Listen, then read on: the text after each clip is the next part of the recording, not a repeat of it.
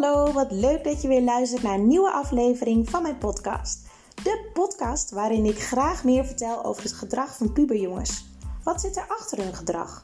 En wat is er nodig om deze jongens op een positieve manier te begeleiden, zodat ze weer motivatie krijgen om aan de slag te gaan? Hoe ontstaat een motivatieprobleem? Waar merk je het aan? En uiteraard tips en inspiratie wat jij kan doen om de rust, stabiliteit, positiviteit en gezelligheid weer terug te brengen binnen jullie gezin.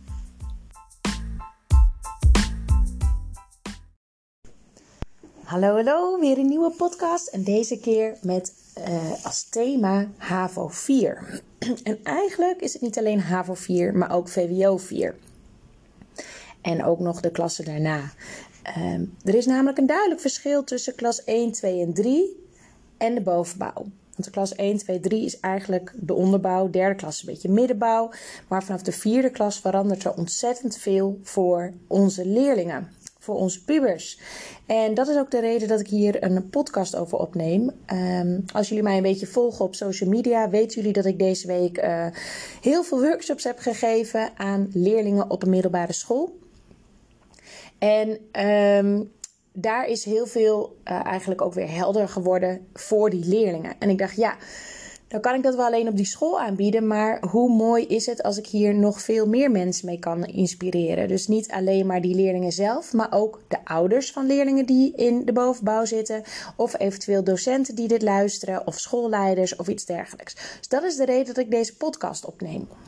En wat heel belangrijk is, is om te weten het, dat er een aantal verschillen zijn tussen de derde klas en de vierde klas. Het is bekend, algemeen bekend, landelijk, dat het verschil van de derde naar de vierde enorm is. En dat de overstap ook heel groot is.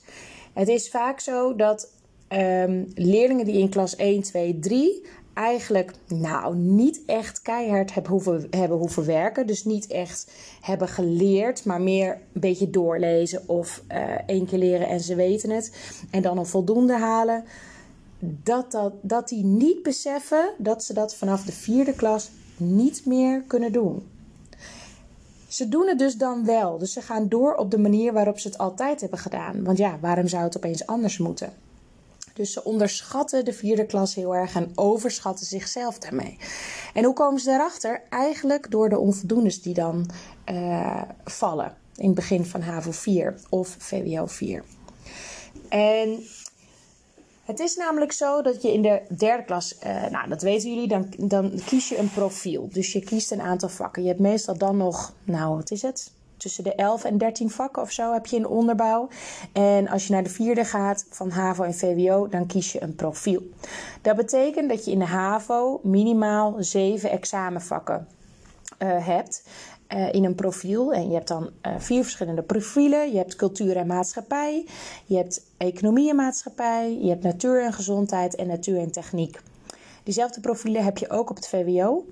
En op het VWO moet je minimaal acht vakken hebben, want daar heb je ook nog verplicht een tweede modern vreemde taal. En dat heb je op de HAVO niet automatisch uh, erbij.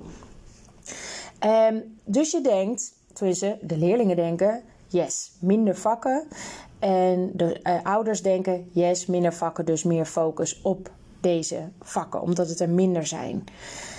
Maar wat er ook anders is, is dat doordat het minder vakken zijn, dat er veel meer de diepte ingegaan wordt met de lesstof. Dus het wordt veel pittiger. Um, het zijn ook grotere hoeveelheden lesstof die ze in één keer krijgen als huiswerk en als toets. Daarnaast is uh, het in Vierhaven natuurlijk het geval dat het een voorexamenklas is. Dus de leerlingen krijgen voor het eerst te maken met schoolexamens. In het VWO is het natuurlijk uh, in vijf VWO pas. Um, en schoolexamens en proefwerken is toch wel een verschil. En dat beseffen leerlingen niet altijd. Een schoolexamen telt natuurlijk mee voor uiteindelijk je slagen zakken, hè, voor je eindexamen. Um, het is ook de, gaat ook over de lesstof van je eindexamen. Daarnaast is het ook nog zo dat de hoeveelheden lesstof voor een schoolexamen vaak groter zijn dan die van een proefwerk. Zo kan een schoolexamen over een heel boek gaan, of in ieder geval over meerdere hoofdstukken gaan. Uh, ook is het zo dat in HAVO 4 de vraagstelling anders is dan in de onderbouw. De vragen um, zijn veel meer inzichtvragen. Veel minder uh, reproductie. Oftewel, er wordt niet altijd meer letterlijk gevraagd wat ze uit het boek hebben geleerd. Maar veel meer het toepassen van wat ze hebben geleerd uit het lesboek, toepassen in een andere situatie. En dat is best wel even wennen voor de leerlingen. En je kan je ook bedenken, als je dus nooit echt hebt geleerd voor school, dat je ook niet weet hoe je moet leren. Soms krijgen ze wel in de brugklas bijvoorbeeld aangeboden hoe je moet leren, hè, leren leren. Maar als je dat nog niet nodig hebt, omdat het prima gaat, dan sla je dat niet op als leerling. En als je in de vierde opeens erachter komt, wow, ik heb heel veel aan mijn huiswerk gezeten, maar toch krijg ik onvoldoendes terug. Wat is hier aan de hand? Dan is het dus vaak de situatie dat een leerling op een verkeerde manier de lesstof leert. Of eigenlijk alleen maar leest en niet leert, waardoor hij het niet goed onthoudt. Of niet goed de hoofdzaken en bijzaken kan onderscheiden. Er kan van alles zijn. Zo is het ook heel vaak zo dat, dat leerlingen voor wiskunde bijvoorbeeld heel erg vaak dezelfde opdrachten gaan maken totdat ze het probleemloos kunnen. Met het idee dat ze dan goed hebben geleerd voor, de, voor het proefwerk. Terwijl ze dan eigenlijk de som uit hun hoofd leren in plaats van dat ze de uh, manier van uitrekenen kunnen toepassen in een andere situatie. En dan gaan ze ook onderuit.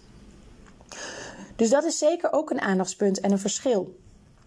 Um, en, excuus, het is ook zo dat leerlingen in de onderbouw niet altijd even trouw zijn aan hun huiswerk maken. In het begin van de eerste klas misschien nog wel, tweede en helemaal in de derde wordt het een stuk minder. Als je dat in 4 HAVO of 4 VWO doet, dus je huiswerk niet bijhoudt, dan raak je heel snel achter omdat het om grotere hoeveelheden lesstof gaat.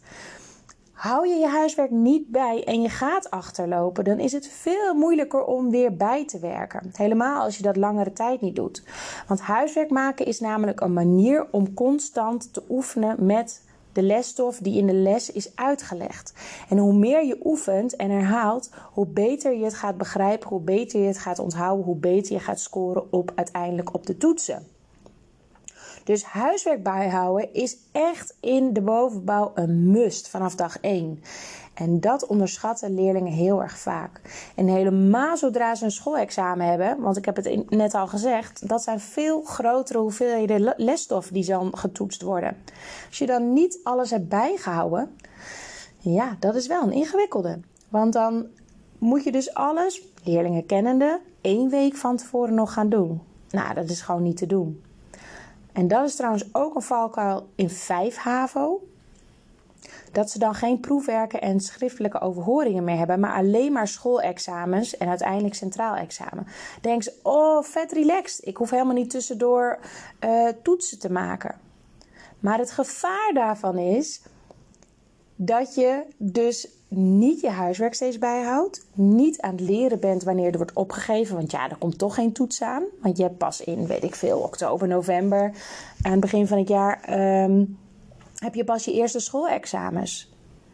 En dat is dus ook een valkuil. Want dat betekent dat je die grote hoeveelheden lesstof dan pas moet leren. Dus eigenlijk hetzelfde als in 4 HAVO. In 4 HAVO leer je nog af en toe tussendoor, omdat je nog proefwerken en schriftelijke overhoringen hebt.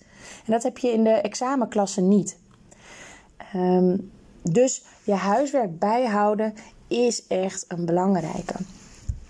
En omdat er huiswerk um, grotere hoeveelheden betreft, is het natuurlijk heel wenselijk om te weten wat er van je verwacht wordt.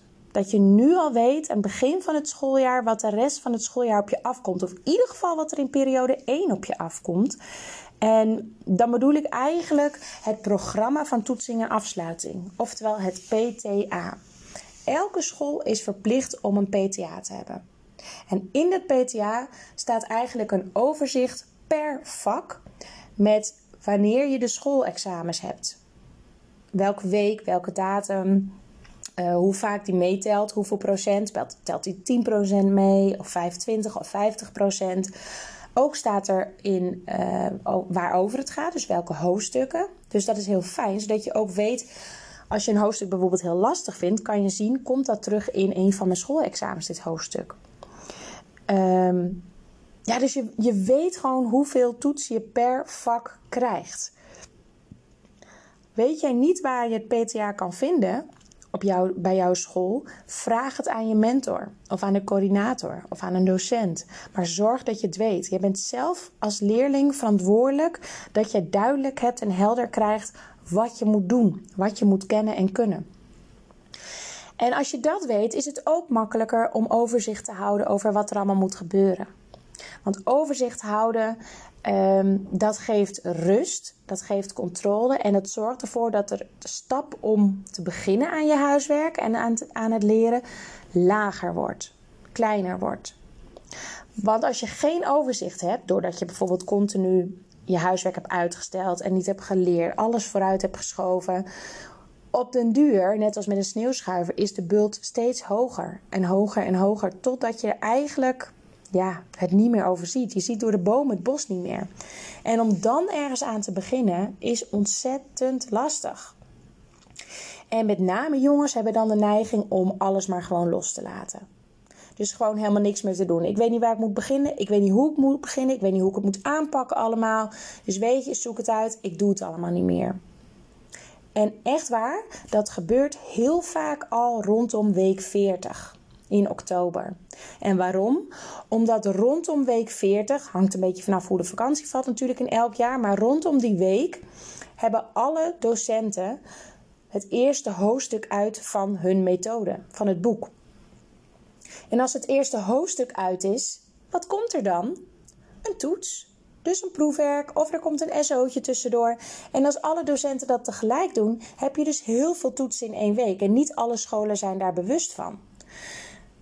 Dus als je dan in één keer heel veel toetsen krijgt en je overziet het allemaal niet meer en je maakt geen planning, ja, dan is loslaten makkelijker. Want als je dan een onvoldoende haalt of meerdere onvoldoendes, kan je altijd zeggen: ja, Weet je, ik kan het wel, maar ik heb gewoon veel te weinig gedaan. Terwijl als je keihard werkt en je probeert er doorheen te ploeteren en het lukt je dan niet, dan heb je het gevoel te falen. Dat is niet zo, maar dat hebben leerlingen wel, dat gevoel. Dus naast weten wat je van je verwacht wordt, duidelijkheid, is overzicht heel belangrijk. Een planning maken. Weten wat wanneer af moet en wanneer je dus het beste kan beginnen om op tijd klaar te zijn. En focus. Daar heb ik natuurlijk al een vorige podcast over opgenomen. Focus, dat is aandacht hebben voor één ding tegelijk. Dus ben je met je huiswerk bezig, dan lig je mobiel ergens anders. En dat was wel mooi om te zien in de, in de workshops die ik uh, deze week heb gegeven. Ik ging, uh, ze hadden dan vragen, moesten ze beantwoorden. En toen heb ik gevraagd: wil iedereen gaan staan die als afleiding nummer 1 zijn mobiel heeft opgeschreven? Nou, eigenlijk in bijna alle groepen ging ongeveer drie kwart van de klas ging staan. En toen vroeg ik aan een aantal leerlingen die zaten: hoe kan het dat jij hier niet gaat staan? Ja, als ik huiswerk maak, dan leg ik mijn mobiel op de kop. Of als ik huiswerk maak, dan uh, staat hij op vliegtuigmodus of op slaapstand. Of het geluid staat in ieder geval uit. Oké, dat klinkt heel erg makkelijk. Ja, maar dat is het dus eigenlijk ook. Het is eenvoudig. En toen ik vroeg wie van degenen die nu staan, is het meest bezig met Snapchat? Nou, dat was inderdaad meestal het grootste gedeelte. Die zijn dan bezig met Snapchat terwijl ze huiswerk aan het maken zijn. Ja, dat werkt natuurlijk gewoon niet, want je wordt constant gestoord. En elke keer dat jij gestoord wordt door je mobiel, duurt het 20 minuten voordat je weer um, gefocust bent op je huiswerk. En daardoor zijn leerlingen veel langer bezig met hun huiswerk als ze steeds afgeleid worden tussendoor. Dus dat heb ik ze ook verteld. Ik zei, jullie willen toch juist sneller klaar zijn met je huiswerk? Dan kan je dus beter je mobiel gewoon wegleggen. En als je na een half uur of na een uur pauze neemt, zet je een wekkertje, mag je 10 minuten even op je mobiel. Kan je kijken of je iets gemist hebt. Dus ik ben benieuwd. Ze hebben het inzicht wel, maar de controle om dus inderdaad niet naar het mobieltje te grijpen, die is er niet altijd. Laat ik het maar even zo zeggen.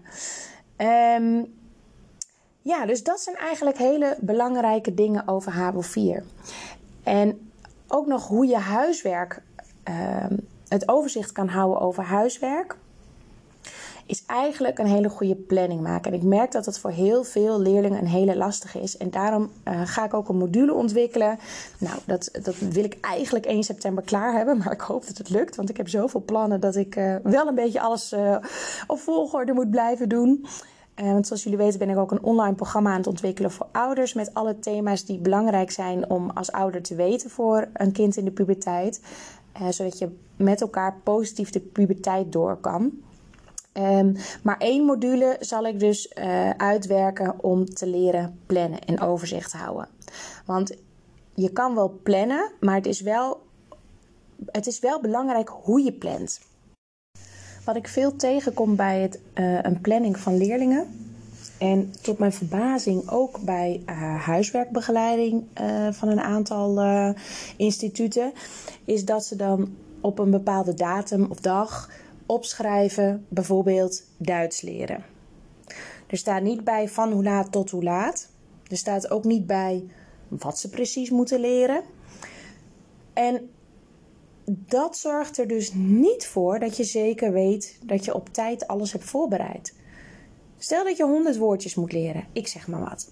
En uh, je moet dat over een week klaar hebben. En je schrijft alleen maar een paar keer op woordjes leren voor Duits maar je schrijft er niet bij hoeveel. Dan kan het dus zijn dat je de eerste drie keer bijvoorbeeld 10 woordjes leert. Dat betekent dat je 70 woordjes nog niet hebt geleerd. Je weet dus niet wat je achterloopt als je één keer niet voor Duits gaat leren. Dus wat heel belangrijk is, is een planning. Wat ik altijd doe in ieder geval, is met de jongeren een planning maken uh, met tijden in de eerste kolom. Echt van s morgens vroeg tot s avonds laat. Dus de planning gaat echt van 7 uur s ochtends um, tot, volgens mij heb ik hem tot 10 uur, half 11 of zo staan. En dan elke keer per half uur. De schooltijden zet ik er altijd in. Uh, dus ze zetten ook hun rooster erin. Dan weten ze wanneer ze tussenuren hebben, hoe laat ze vrij zijn, hoe laat ze thuiskomen, wanneer ze sporttrainingen hebben of wanneer ze een bijbaantje hebben. Alles zetten we erin. En alles heeft zijn eigen kleur. Dus eten heeft een andere kleur dan slapen. En uh, schooluren hebben weer een andere kleur. Nou, en alles zetten we erin. En dan hou je witte vlakken over. Open. Uh, ja, over en open. en die witte vlakken is eigenlijk de tijd die jij hebt, of die de leerling heeft, om huiswerk in te plannen. En het wil echt wel eens gebeuren, helemaal met, met leerlingen die best wel hoog sporten, dat ze dan eigenlijk bijna geen wit meer in hun schema hebben als alles erin staat. Dat ze zo'n druk programma hebben en zulke lange schooldagen dat ze eigenlijk helemaal geen tijd meer hebben voor huiswerk. En dan is het eigenlijk in één klap duidelijk waarom zij zoveel stress van huiswerk hebben. Want het past gewoon niet in het schema. En dan is het dus zaak om te kijken: oké, wat is er nodig zodat dat wel mogelijk is? He, wat is er nodig om, om te creëren, tijd te creëren om aan je huiswerk te gaan? En dat gebeurt ook wel eens met bijbaantjes. Dat leerlingen zoveel, bijvoorbeeld in de supermarkt, als bijbaantje werken, dat ze daardoor veel te weinig tijd hebben om hun huiswerk te doen. Maar goed, dus dan heb je de basisplanning en dan ga je dus in de witte gedeeltes ga opschrijven. Uh, eerst begin, ik begin altijd eerst met de deadline van het toetsen. Wanneer is de toets? want zo'n planning maak je voor minimaal twee weken, zodat je twee weken vooruit kijkt. En dan vanaf die deadline plan je terug. Hoeveel dagen heb ik nog om te leren? Hoeveel lesstof is het? Kijk echt letterlijk in je boek hoeveel het is en wat de onderwerpen zijn en verdeel het dan in kleine stukjes. En het liefst in stukjes dat je denkt: Nou, dit is zo weinig, dat ga ik wel even gewoon doen. En hou je je niet aan de planning, dan is het geen ramp, maar dan weet je wat je achterloopt. Dus als jij vandaag 20 woordjes moet leren en je hebt vandaag helemaal geen zin en je gaat toch met je vrienden weg terwijl je huiswerk hebt, dan weet je dat je morgen bijvoorbeeld 40 moet leren omdat je die van vandaag niet hebt gedaan. Dat is de functie van een planning. En dat is onwijs belangrijk. Want overzicht, planning, duidelijkheid, focus, dat samen helpt echt om motivatie te vergroten. Dus dit zijn eigenlijk de belangrijkste dingen voor de bovenbouw die je echt scherp moet hebben. Dus de lesstof, het worden grotere hoeveelheden, het gaat meer de diepte in, dus het is pittiger. Nieuw soort vraagstellingen in de toetsen en dat is ook even wennen, veel meer inzichtelijk in plaats van reproductie. Um, ja, de les, ze gaan soms ook wel sneller door de lesstof heen. Je hebt wel minder vakken. Je hebt ook clustergroepen. Hè? Dus je zit niet meer elk uur met dezelfde klas, maar je hebt eigenlijk bij elk vak een andere klas. Natuurlijk heb je een stamklas voor een aantal vakken, maar uh, je hebt vaak andere groepen in ieder geval, andere samenstelling. Dat zijn eigenlijk de belangrijkste. En je krijgt dus al schoolexamens. En wat leerlingen soms vergeten, is dat ze zelf de verantwoordelijkheid hebben om te zorgen dat iets duidelijk is. Als ze iets niet snappen, dat zij een probleem hebben. Dus dat zij ervoor moeten zorgen dat ze helderheid krijgen, duidelijkheid krijgen. En niet dat de ouders dat gaan oplossen, maar dat ze er zelf achteraan gaan. Want ik heb ze ook uitgelegd in de workshops: 10% overkomt je. En 90% is de reactie die jij daarop geeft. Dus hoe jij ermee omgaat met dat wat je overkomt. Welke betekenis geef jij daaraan? Welke handeling zet je in om ermee om te gaan? Je hebt altijd een keuze. En er waren leerlingen die probeerden echt een beetje daaronderuit te komen. Van ja, nee, maar ja, mijn, mijn bureau zo rommeltje, ja, dan word ik steeds afgeleid. Oké, dan haal je alles van je bureau af. Ja, maar dat zijn mijn lesboeken, dus die heb ik ook nodig. Oké, maar je kan niet alle vakken tegelijk. Dus je haalt alle boeken van je bureau af, behalve die je nodig hebt op dat moment. De rest leg je ernaast neer. En op de duur hadden ze gewoon niks meer te zeggen. Want het waren gewoon allemaal smoesjes. Zonder dat ze het zelf door hadden hoor. En um, de laatste die ik nog even kort wil benoemen is dat het ook heel erg fijn is als je een doel hebt om naartoe te werken. Dus als je weet naar welke studie je uiteindelijk wil, of wat je, dat je weet wat je na de middelbare school wil, of een tussenjaar of iets dergelijks. Maar in ieder geval dat je aan het oriënteren bent. En uh, dat helpt namelijk om te weten, om te beseffen waarom je eigenlijk op school zit, waar je naartoe gaat werken. He, naar datgene wat je echt leuk vindt. En mocht je een onvoldoende halen, denk niet dat je faalt, maar besef dat dat een leermoment is. Wat is de oorzaak dat die onvoldoende er is? Heb je niet goed je best gedaan? Heb je op een verkeerde manier geleerd? Um, heb je, ben je te laat begonnen met leren? Heb je de vraagstelling niet helemaal goed begrepen? Um, zoek uit waar de onvoldoende vandaan komt. Want een onvoldoende helpt je uiteindelijk om je de volgende keer beter voor te bereiden. Alleen maar een onvoldoende ontvangen en er niks mee doen is nutteloos. Je kan er heel veel uithalen, maar dan moet je er wel voor openstaan. En dat is een keuze. Ik hoop dat jullie deze uh, podcast uh, uh, prettig vonden. Dat jullie de informatie uithalen. Dat jullie een goede start maken van de bovenbouw. En uh, als er vragen zijn, neem gerust contact op. Ik wens jullie allemaal heel veel succes.